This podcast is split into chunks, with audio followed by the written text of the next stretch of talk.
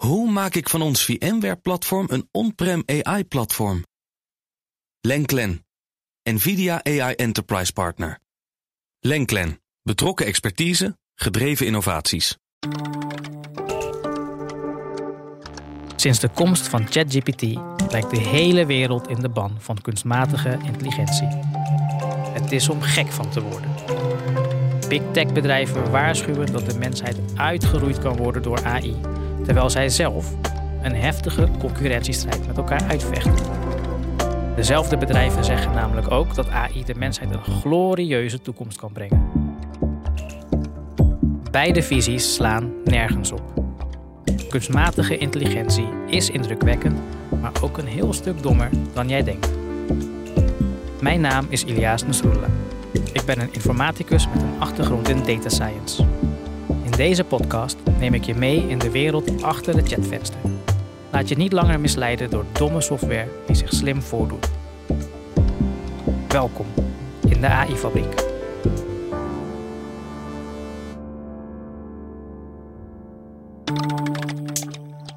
Chatbots zijn een rare uitvinding. Tegen een computer praten, dat kan nuttig zijn. Maar met een computer praten, waar is dat goed voor? Die vraag wil ik beantwoorden.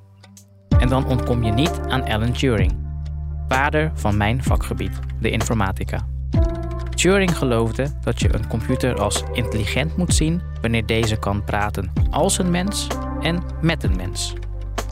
Daarom bedacht hij in 1950 een experiment, de Imitation Game.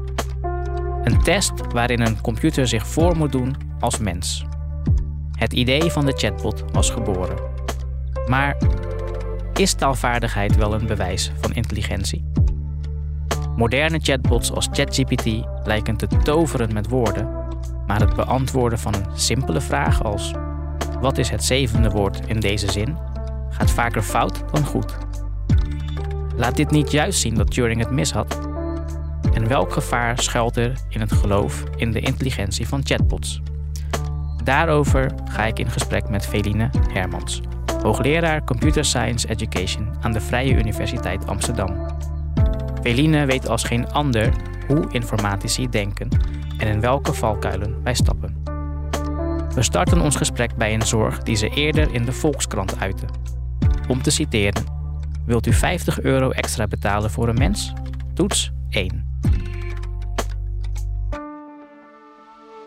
En die zorg is dat we, de mensheid, allerlei activiteiten van mensen gaan vervangen door computers, door laten we zeggen even chatbots, zonder heel erg over na te denken, wat betekent dat eigenlijk? En er zit ook een soort kapitalistisch perspectief achter, want een robot is goedkoper dan een mens. Als Stel je voor dat je inderdaad even hebt over een hulplijn, eh, een telefoonlijn bij het ziekenhuis. En je belt eh, naar de spoedeisende hulp.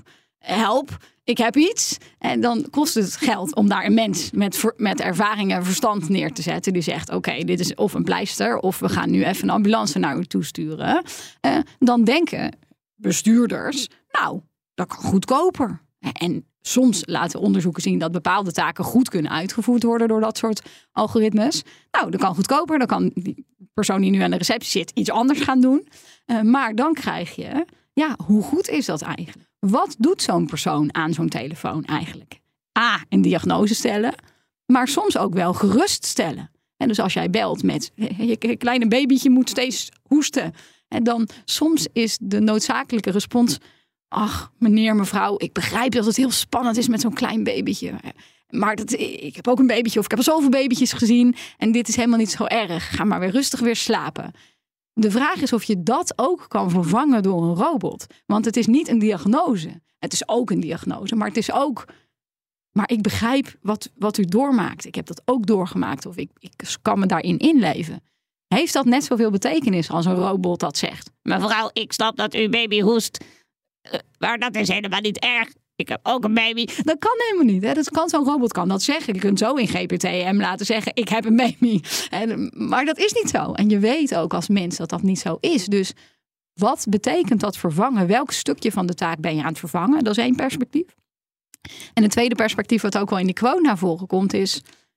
Er komt misschien straks wel een markt voor mensen die wat meer willen besteden om wel met de mens te mogen praten. En je ziet al best wel wat in Nederland ook particuliere, bijvoorbeeld medische zorg voor sommige aandoeningen. Dan zal je krijgen dat wat ik zei, betaal 50 euro om doorverbonden te worden naar de menselijke hulplijn. Of zorgverzekeraars zullen misschien zeggen: kom bij ons en wij garanderen dat je een persoon aan de telefoon krijgt. En een goedkopere verzekering niet. En wat ik nu zeg over ziekenhuizen en verzekeringen geldt ook voor het onderwijs en allerlei andere takken in de wereld. Je noemde net al het onderwijs.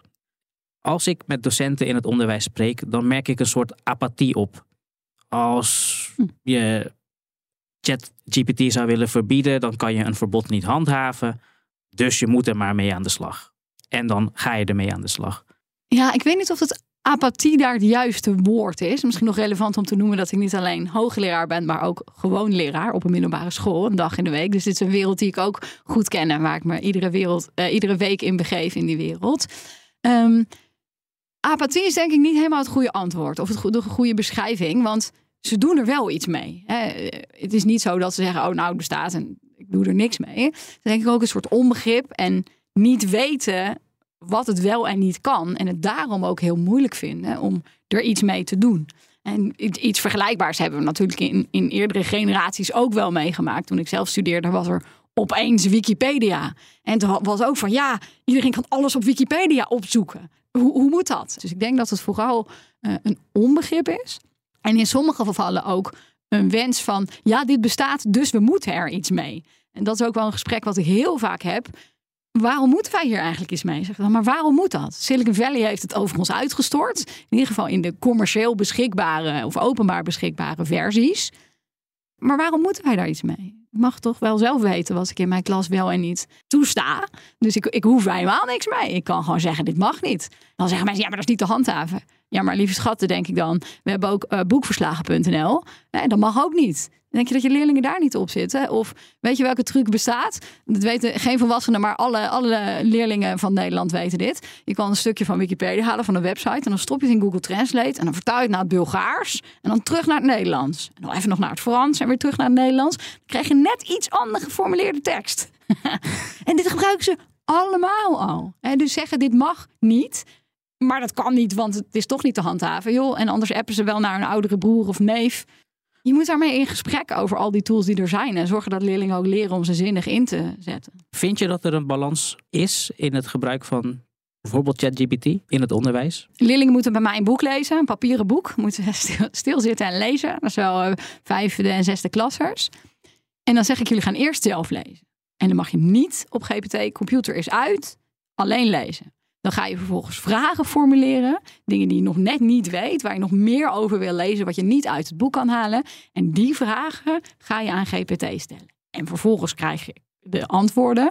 En daar ga je dan op reflecteren. Klopt dit? terug in het boek. Oké, is het correspondeert dit? Dan leer je dus gebruiken en kritisch reflecteren. En dan zien ze zelf ook, wat jij in het begin ook noemde, dat er van alles en nog wat uitkomt wat niet helemaal klopt of net niet klopt. En dan gaan ze reflecteren van, oh, nou, dit was heel nuttig. En hier mis ik het nog wat. Soms komt er iets nuttigs uit. Dan hebben ze een moeilijk concept uit het boek, wat dat boek niet, net niet lekker uitlegt. En dan helpt het. En soms helpt het helemaal niet. En toen vroeg ik aan mijn klas, vorige week, wie van jullie heeft tijdens de lessen in ook nog GPT gebruikt om meer over zijn boek te lezen? Dat had niemand gedaan. En waarom niet? Ja, uh, niet, niet meer aan gedacht. Ik was toch eigenlijk niet met dit vak bezig, buiten het vak om. En dus die angst van, oh, maar als ik ze dit als opdracht geef, dan gaan ze buiten de les dat doen. Uh, dat, dat viel eigenlijk wel mee. En dus ik was bijna een beetje aan het aanmoedigen van, maar, maar doe het nou wel, zodat je als je het nodig hebt er nut van kan inzien. Ze zijn ook een beetje bang. Ze moeten straks een mondeling doen over het boek. Dat ze bang zijn dat ze niet goed genoeg beheersen. En dat is natuurlijk niet zo erg. Want we willen uiteindelijk dat ze het beheersen. En dat ze tools gebruiken waar ze iets aan hebben. Uh, ik denk dat dat een scenario is wat echt heel goed is. Als jij in de klas als docent of in de collegezaal zorgt dat jouw leerlingen zonder GPT met de stof bezig zijn. En dat kan op een middelbare school misschien net iets makkelijker dan op de universiteit. Namelijk zeg gewoon laptops dicht, computers uit. Dan zijn ze op dat moment vrij van computers met de stof bezig. En daar heb jij als docent macht en controle over. En wat ze thuis doen, heb je iets minder macht en controle over. En daar moet je dan niet mee. Jij hebt een heel gebalanceerde aanpak van het gebruik van ChatGPT. Maar als je de bedrijven achter dit soort technologieën ziet, dan roepen zij dat je het onderwijs gaat uh, veranderen, omdat je alle docenten gaat vervangen. Hè. Je kan nu leren van ChatGPT. Nou, je hebt al eigenlijk gezegd, dat gaat niet zomaar. Maar welke functie vervult een docent eigenlijk nog meer?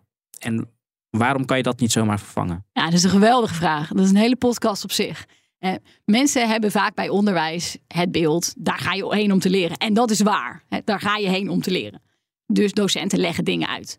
Maar sommige leerlingen zijn helemaal nog niet geïnteresseerd of gemotiveerd voor jouw vak.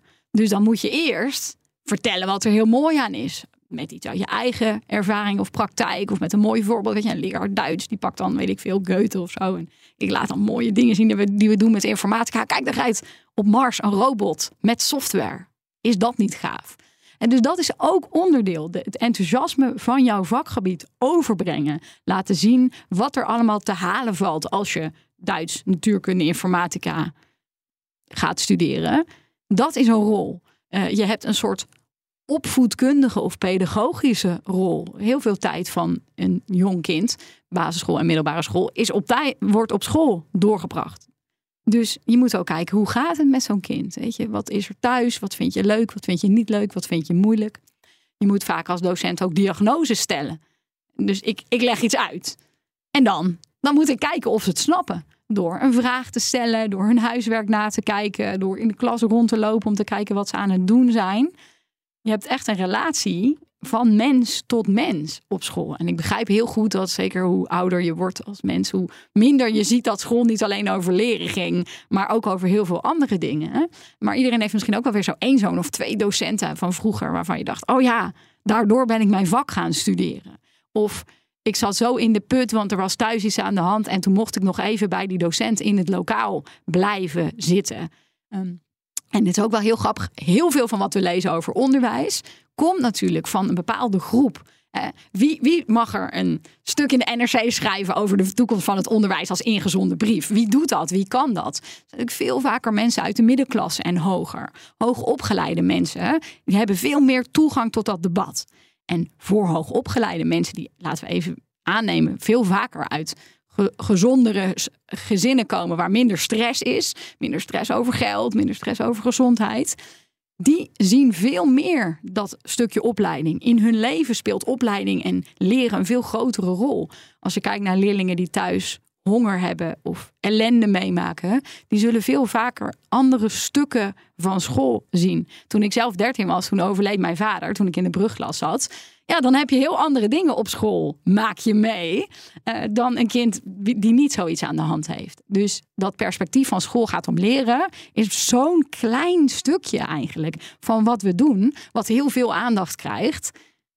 Maar al die andere dingen die ik heb genoemd, net zoals aan de hulplijn bij, de, bij het ziekenhuis, stel je voor dat we mensen, leraren vervangen door robotten en je vader gaat dood. Gaat die robot dan zijn robotarm om jouw schouder slaan?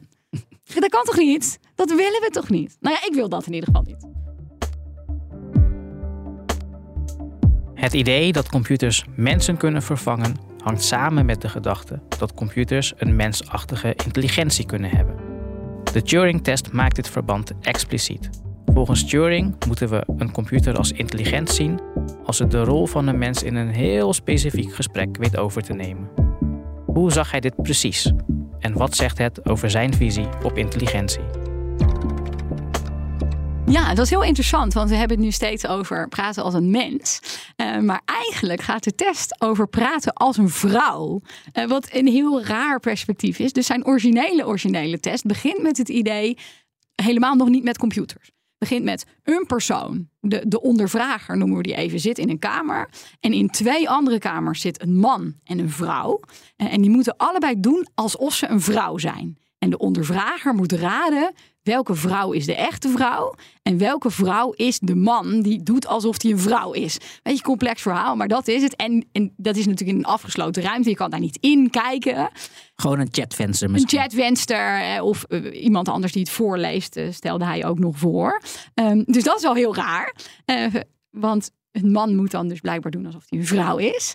Uh, daarvan kan je al een vraagteken stellen. En vervolgens is dan de vraag die Turing stelt in de Turing-test Als we die mensen nu vervangen door robots, specifiek als we de man vervangen door een robot, kunnen we dan nog steeds goed het verschil zien tussen een man, eh, sorry, tussen een vrouw, vrouw en een robot die doet alsof hij een vrouw is.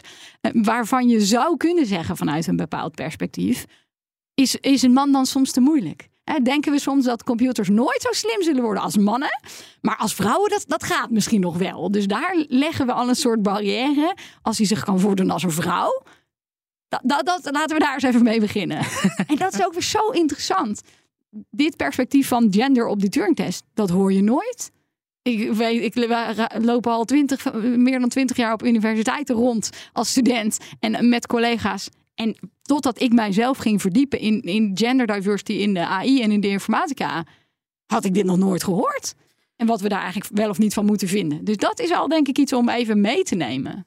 Je gaat me even over de streep moeten trekken. Oké, Want wat Turing specifiek zei is: kan die computer net zo goed een vrouw nadoen als dat een man dat kan? ja. Dus het ging er hem niet om dat hij altijd een vrouw na kan doen, maar dat hij het net zo goed als die man kan.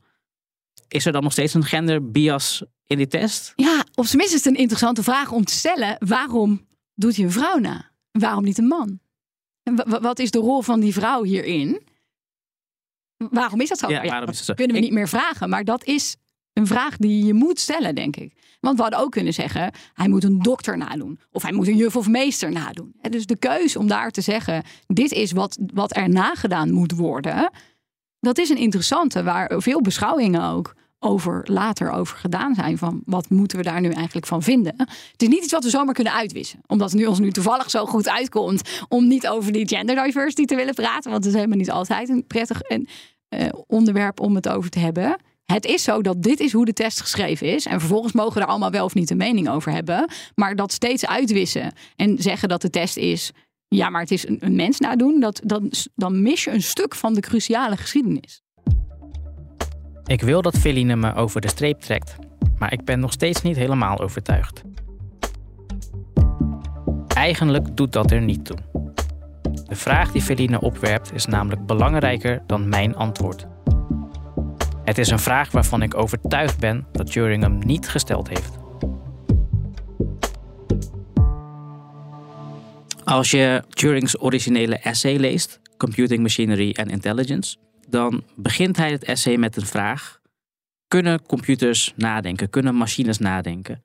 En hij geeft ook direct antwoord op die vraag. Hij zegt namelijk: Ik kan het woord denken niet definiëren. En ik vond dat zo opvallend, want ik dacht: ja, waarom schrijf je de rest van het paper dan nog? Je had ook daar kunnen stoppen. Je had ook daar kunnen stoppen. Ja, dus ik vind het vooral heel erg leuk dat, dat, je, dat hij er doorgaat. En ook uiteindelijk, en dat is denk ik een hele belangrijke reflectie op ons vakgebied.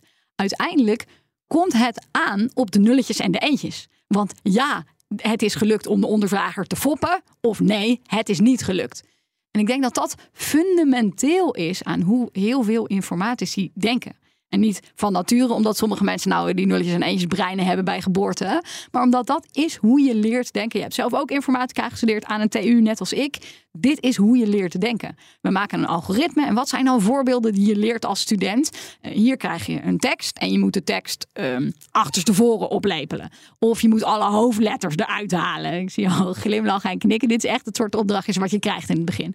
En dat is een opdracht, ja, die doe je goed of je doet hem niet goed. Je leest die tekst achterstevoren en dan kom je iedere letter tegen. Of je bent er per ongeluk aan vergeten en dan is het fout. Dit soort denken zit heel erg in onze opleiding. Als je dan leert programmeren, moet je een stukje code insturen. En een algoritme gaat dan nakijken of jij het goed gedaan hebt. Dus die wereld waarin we denken, oh, de algoritmes geven les. Op heel veel universiteiten bij informatica is dat al zo. Dan moet je in een best wel onmenselijk systeem je codes uploaden. En dan gaat hij kijken of het goed is. En ben je dan bijvoorbeeld een dubbele punt of een punt komma ergens vergeten in het... Hè, dus dan zeg je, de omgedraaide zin is dubbele punt. En dan komt die zin. En maar volgens de instructie had je niet daar een dubbele punt moeten doen. Dan zegt hij, dit is fout. En want jij hebt niet precies gedaan wat we willen. Dus dat rigide, dit is goed en dit is niet goed denken, gaat er vanaf het begin af aan in. Dus het is niet zo gek dat je dan in die cultuur heel erg denkt: oké, de vraag of iemand kan denken, zelfs als je zoals Turing zegt. Het kan eigenlijk niet. Maar laten we voor het grapje, voor de sake of argument, toch maar even kijken of we dit ook tot een nulletje en een eentje kunnen reduceren. Ja, Ik zou bijna zeggen met alle gevolgen van dien. Het is eh, interessant dat je het over informatica hebt en hoe wij denken, hoe we leren. Er zit een concept van abstractie in die Turing-test. En dat is een beetje een ingewikkeld concept om uit te leggen. Maar zou je het toch kort kunnen proberen en kunnen schetsen van hoe zie je die abstractie terug in die Turing-test? Ja, dus abstractie kan je denk ik het beste uitleggen, ook aan gewone mensen die niet informatica hebben gestudeerd, als categorieën van dingen maken. En soms zijn categorieën heel erg breed. Eh, wij zijn allebei mensen, maar wij verschillen heel veel van elkaar. Of denk, mijn favoriete voorbeeld is wel eten. Wat is allemaal eten? Een boterham met pindakaas en kipnuggets van McDonald's. En in een sterrenrestaurant zitten. Dat is allemaal eten. En dat zijn hele andere soortige dingen. Maar je kunt gerust zeggen, ieder mens moet iedere dag eten. En dan maakt het niet uit wat je eet. Maar als je niet eet, dan gaat het mis. Als je dit snapt, dan snap je wat abstractie is dat je kunt abstraheren van wat er precies in je maag gaat, tot het idee dat dat iets moet zijn en dat je dat verder zelf even uit kan zoeken. dat is abstractie. En dat is natuurlijk ook wat een beetje in die Turing-test gebeurt. Dat je zegt, nou, wat is allemaal denken? Denken kan heel veel verschillende dingen zijn. Maar laten we dat even reduceren tot het taakje. Er gaat tekst in en er komt tekst uit. En dan kunnen we verder in die wereld goed redeneren. En soms vergeet je daar dus dingen bij. En dan heb je maar één implementatie van de abstractie. En dan denk je niet aan iets anders. En als je op die manier naar intelligentie kijkt. Dit is een vraag die mij heel vaak bezighoudt over informatica. Is er een wetenschappelijke basis om dan te zeggen, als een computer tekst leest en daarna tekst produceert, dan is het intelligent. Kan je, kan je überhaupt zeggen dat daar een wetenschappelijke basis is voor die gedachte? Ja, dat is een hele mooie vraag daar. Dat, dat wordt wetenschappelijk in die zin. Dat draagt heel veel gewicht. En want wat betekent wetenschappelijk? Vaak, als we wetenschap zeggen of wetenschappelijk, dan bedoelen we eigenlijk natuurwetenschappelijk. Hè, zoals natuurkunde. Eh, je doet een experiment. Je, je hebt een balletje, dat heb je vast en dat laat je los en dan is het op de grond. En dan kan je meten hoe snel dat, dat gaat. Als je aan mensen vraagt wat is een experiment, en dan beschrijven ze dat. Als je aan mensen vraagt wat is nou wetenschappelijke kennis, dan denken ze aan dit soort dingen. Maar wetenschap is natuurlijk ook bijvoorbeeld filosofie. En dan kan je zeggen, kan je daar een antwoord op geven? Heel veel mensen geven daar heel veel verschillende soorten antwoorden op in verschillende filosofische stromingen. En bijvoorbeeld als je kijkt naar feministische stromingen, die ook heel veel hebben gekeken naar technologie en kennis van technologie en wat vinden we uh, technisch. Uh, die kijken daar al heel erg anders naar. Eh, feministische theorie heeft het dan heel vaak over, maar er is ook kennis van hoe, hoe je iets moet doen. Hoe, hoe geef je een kindje eten? Eh, hoe maak je een lekkere warme wollen trui? Dat kan je heel moeilijk in woorden vatten. Ik, ben zelf, ik hou heel erg veel handwerken. En als ik aan iemand moet uitleggen hoe je moet breien, moet ik heel veel dingen tegelijk vertellen. En dan zeg ik, ja, je moet wol omslaan, maar je moet ook genoeg spanning op de wol hebben. Ja, wat is genoeg spanning? En soms zie je als je probeert iemand een vaardigheid uit te leggen, geldt ook voor fietsen of zwemmen, dat je soms zegt, ja, ik kan het eigenlijk niet vertellen in woorden. Woorden is niet genoeg. Ik kan het je voordoen. Ik kan je helpen. Ik kan je fiets vasthouden terwijl jij gaat peddelen. Maar ik woorden zijn niet rijk genoeg om uit te leggen hoe iemand moet zwemmen of fietsen of handwerken. En daar zie je aan dat vanuit dat perspectief, als je het hebt over vaardigheden en feministische theorie, heeft het natuurlijk vaak over dingen die je bijvoorbeeld je kinderen aanleert. Uh, want dat is de hoek waarin dat soort onderzoek uh, zeker traditioneel vaak gedaan werd. Zegt ja, dat is kennis, die kan je niet in een algoritme vangen. Dat kan niet. We hebben het dus over een hele nauwe definitie van intelligentie wat Turing gebruikt. Ja, of ja, nou, hè, dus jij zou ook kunnen zeggen een, een, een geabstraheerde versie. Zeker is sommige soort kennis in tekst te vangen. En dan kun je vervolgens in die wereld gaan bediscussiëren hoe goed is GPT nu en waarom kan hij niet het zesde woord van deze zin tellen. Maar dan heb je impliciet, en ik denk dat hier de kern zit van het probleem, impliciet hebben mensen gezegd, zonder dat met die woorden te zeggen, wij gaan nu even met z'n allen leven in de wereld waar we hebben afgesproken. En jullie doen ook mee. Uh, unilateraal hebben wij dit besloten. Dat we vanaf nu doen alsof alle intelligentie in tekst gevangen kan worden. En daar doen wij dan, leunen wij zelf ook een heel klein beetje in mee. Van nou, oké. En allerlei andere soorten kennis. Kennis over hoe je dingen moet doen. Maar ook kennis over mensen. Ik zat laatst op het terras. Ik had met een vriend afgesproken die ik al heel lang niet meer gezien had. En ik zie uit mijn ooghoek, zie ik hem aankomen lopen. En ik weet meteen dat hij het is. Hoe weet je dat? Ja, waar, zie je dat aan? Ja, aan hoe die loopt en postuur en zo. Dat is ook, dat is ook kennis. Allerlei soorten dingen die helemaal niet in tekst kan vangen. En het is prima als mensen zeggen: Oh, wij gaan in die wereld leven waar alles tekst is. En dan gaan we daar allemaal schitterende dingen doen. Die misschien soms heel nuttig zijn of behulpzaam.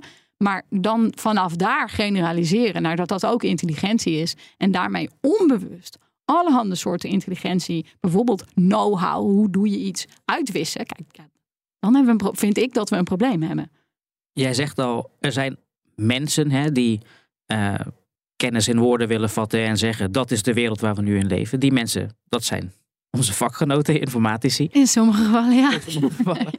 Ik eh, ben door de jaren heen uh, het denken wat ik heb geleerd op de universiteit als heel erg benauwend gaan ervaren. Ja. Superkrachtig, super elegant en super benauwend. ik herken heel erg wat je zegt. Toen ik informatica studeerde, zag ik dat zelf niet zo. Ik vond het fantastisch. En meer, meer programmeren en oh, mag ik keuzevakken? Mag ik alsjeblieft nog meer programmeertaalbouwvakken? Want dat is mijn grootste hobby. En pas later ga je dan denken, ja, maar waarom doen we dit eigenlijk? Waarom vind ik programmeertalen maken leuk of belangrijk? Ja, je maakt die dingen uiteindelijk wel voor mensen. Maar trekt informatica een bepaalde slag mensen aan? Je noemde net leeftijd. Ik denk inderdaad dat het ook met leeftijd te maken heeft. Het is moeilijk om de hele wereld te beschouwen, zelfs, uh, zelfs op deze leeftijd. Ja. Uh, maar heeft het ook gewoon te maken met een bepaald type mensen wat zich aangetrokken voelt tot ja, een beetje een mechanistisch wereldbeeld? Ja, ik denk dat dat waar is. En dan is natuurlijk ook weer de interessante vraag: uh, zijn die mensen zo uit het eigen gekomen?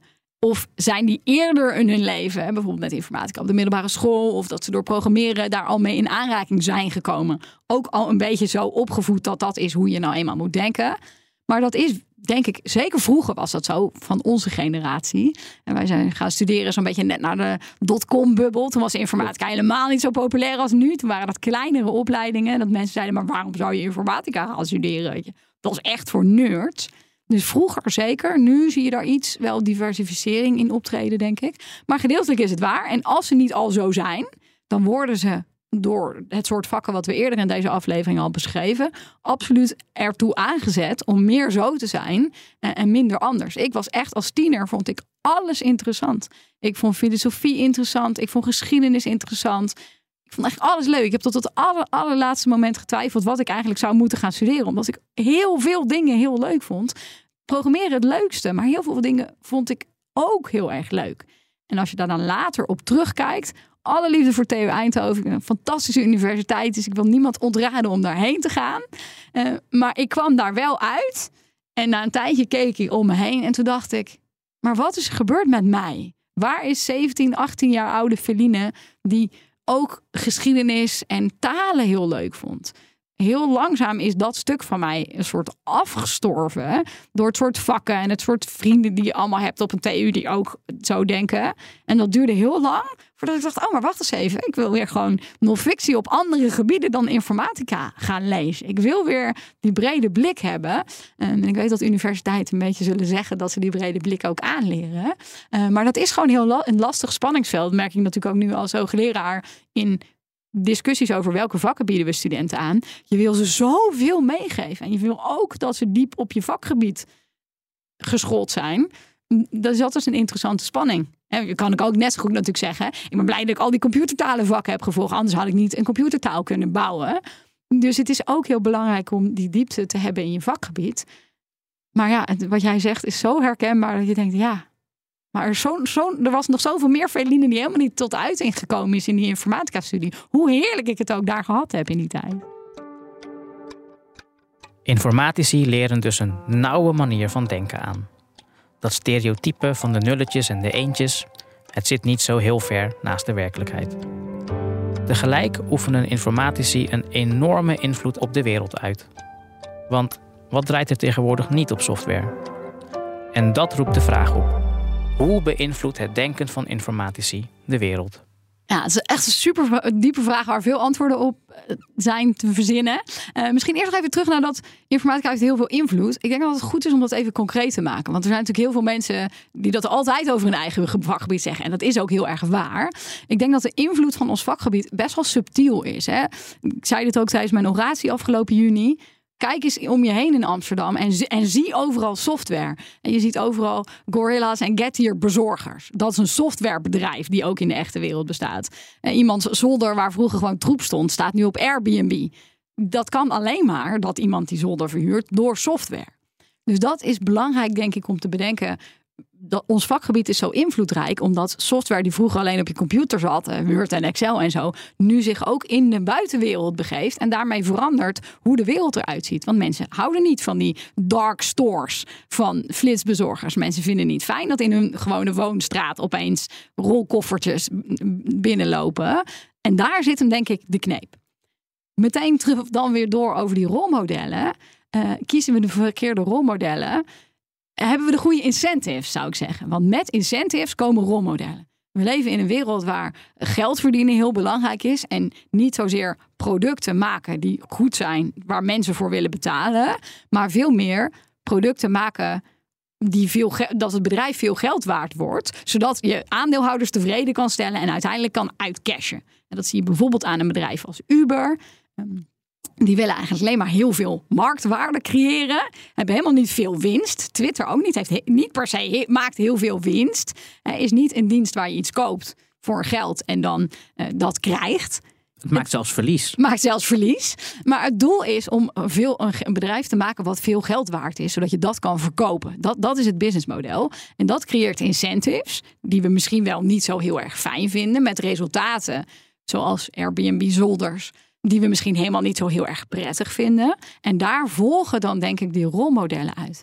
Rolmodellen in de kapitalistische samenleving zoals we die nu hebben, zijn mensen met heel veel geld. Als je heel veel geld hebt, dan heb je macht en invloed. En dat geldt ook buiten tech. Eh, denk aan Donald Trump. Die is rijk, dus die moet eigenlijk wel slim zijn, denken sommige mensen. Want anders was hij niet zo rijk.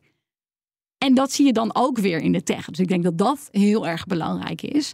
Dat dat die, die incentives zijn. En dit zijn zeker heel vaak mensen met een hele nauwe blik op de wereld. En bijvoorbeeld OpenAI heeft nu gezegd: ja, we gaan werken aan alignment. En alignment betekent dat de robotten wel doen wat wij willen. Hè? Want, want let op de robot te komen. Maar ja, wat betekent dan alignment? Wat is dat? En dan kijk je van, maar wat voor soort vacatures hebben ze dan op die alignment groep? Ja, zoeken ze engineers, mensen die bouwen, die nulletjes en eentjesfiguren. Dan denk ik, ja, maar daar moet een, een filosoof bij zitten. Die kijkt naar, maar wat is eigenlijk intelligentie? En dan moeten dan ook mensen uit verschillende culturen gerepresenteerd zijn. Maar wat betekent voor ons cultuur? En fijn dat die chatbot van jullie lekker in het Engels doet, maar kan die ook Chinees en Arabisch of kleinere talen die minder mensen spreken, eh, zoals Setswana in Botswana. En dat, dat perspectief ontbreekt helemaal. Dus die invloedrijke mensen kijken heel nauw en houden zichzelf ook niet scherp op hun eigen nauwe blik en trekken dus nog meer mensen om zich heen aan die ook zo denken. Een bedrijf als OpenAI pronkt natuurlijk met het gegeven dat ChatGPT het heel erg goed doet op allerlei gestandaardiseerde testen. En toetsen en testen, dat is ook iets wat wij mensen gebruiken om onze eigen uh, intelligentie, of in ieder geval onze eigen kennis te testen. En om een voorbeeld te noemen, een, een uh, GPT-4, het, het, het grootste en meest geavanceerde model van OpenAI, haalt een score van 90 uit 100. Eh, op de Uniform Bar Exam. Dat is een toelatingsexamen voor de advocatuur in de, in de VS. En het scoort ook heel, heel goed op een hele hoop toetsen. Het scoort ook heel slecht toevallig op uh, programmeertoetsen. Uh, want daar heb je abstract denkvermogen voor nodig. Maar misschien een belangrijke vraag om te stellen. Wat betekent het eigenlijk dat een chatbot goed scoort op een gestandaardiseerde test? Wat zegt dat over ons? Ja, dat is een super interessante vraag. En je zegt, wij gebruiken toetsen eh, om onze intelligentie te meten. Dat is natuurlijk ook een beetje eh, in de recente geschiedenis en in op bepaalde plekken van de wereld zijn heel veel andere modellen waarop je kennis kan toetsen. Je hebt in Nederland het Technasium uh, met een vak ontwerpen en onderzoeken. ONO heet dat. dat is jouw vak? ja, dat is dus gerelateerd aan mijn vak zeker. En dan heb je een soort meesterproef. En dus dat is helemaal niet een geschreven toets. Dan moet je iets maken. En een ervaren docent kijkt dan naar wat jij hebt gemaakt. En kijkt ook naar het proces dat daar omheen zit. Je had natuurlijk in vroegere tijden ook apprenticeships. Dan was je een soort gezel en dan mocht je met een meester meelopen. Dat ging heel erg over ook die how-to aanleren. Dus alleen al zeggen, ja, toetsen is, is hoe je kan zien dat iemand iets kan, uh, is erg beperkt en heeft misschien ook heel erg met schaalvergroting te maken. We hebben in Nederland ook nog steeds in het centraal examen mondelingen voor sommige vakken die veel arbeidsintensiever zijn. Maar voor sommige vakken zeggen we ja, het is toch echt heel belangrijk. Eh, zoiets als literatuurbeschouwing in, voor het vak Nederlands. Je moet dat samen met iemand doen. Je moet kunnen doorvragen. Um, dus alleen al de keuze om toetsen te hebben en meer en meer op gestandardiseerde toetsen te gaan leunen. Ja, dat moet nou eenmaal. Uh, want er zijn zoveel leerlingen en zo weinig leerkrachten. Dus moeten we maar een stukje wat we kunnen meten gebruiken om mee te meten. En die andere ook relevante begrippen van kennis, betekenissen van kennis, ja, die kunnen we helaas niet toetsen. Want zo'n bar-exam, natuurlijk moet je bepaalde dingen kunnen en weten, anders moet je niet een advocaat mogen zijn in een goed rechtssysteem. Maar vervolgens is er waarschijnlijk ontzettend veel variatie tussen alle juristen die dat examen halen en goede advocaten en slechte advocaten. Sommige mensen zijn heel goed voorbereid en lezen zich altijd in, hebben heel veel feitenkennis en kunnen meteen dingen oproepen. En anderen zitten zo in hun blaadjes te rommelen. Dat lijkt me heel relevant voor de maat van hoe goed een advocaat is. Maar dat zit niet in zo'n examen. Ja, en ik, ik noem voordeel, uh, voorbeeld ook om een specifieke reden natuurlijk. Want in de VS had je een hele bekende zaak eh, afgelopen zomer.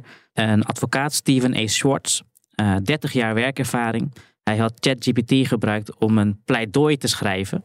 Uh, voor een of andere rechtszaak waar hij aan werkte.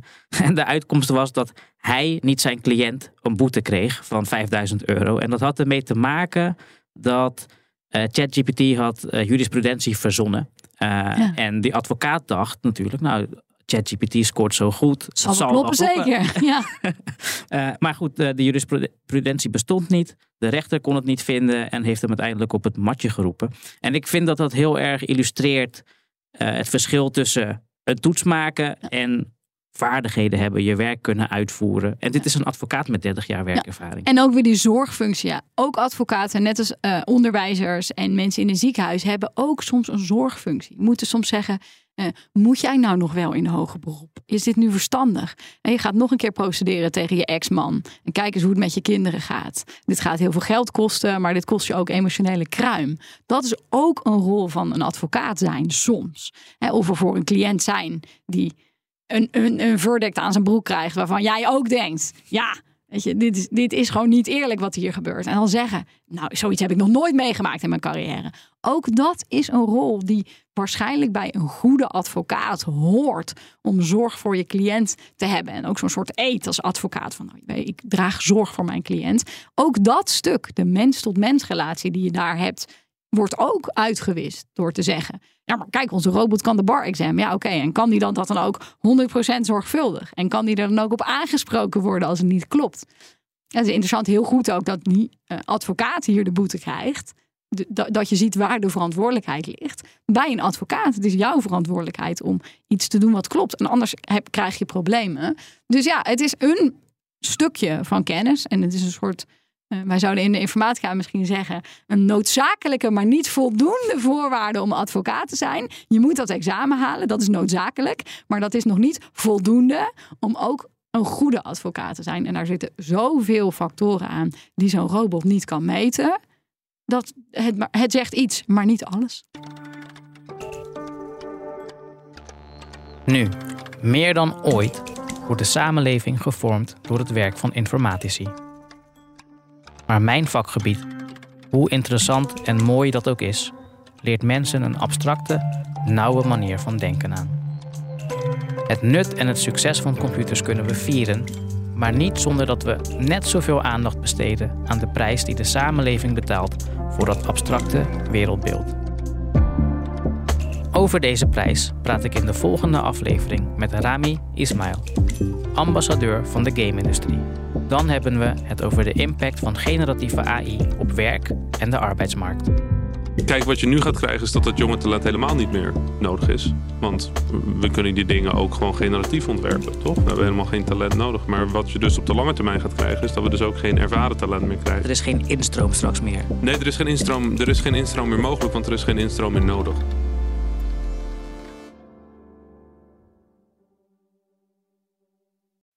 Maak ik van ons VMware-platform een on-prem AI-platform?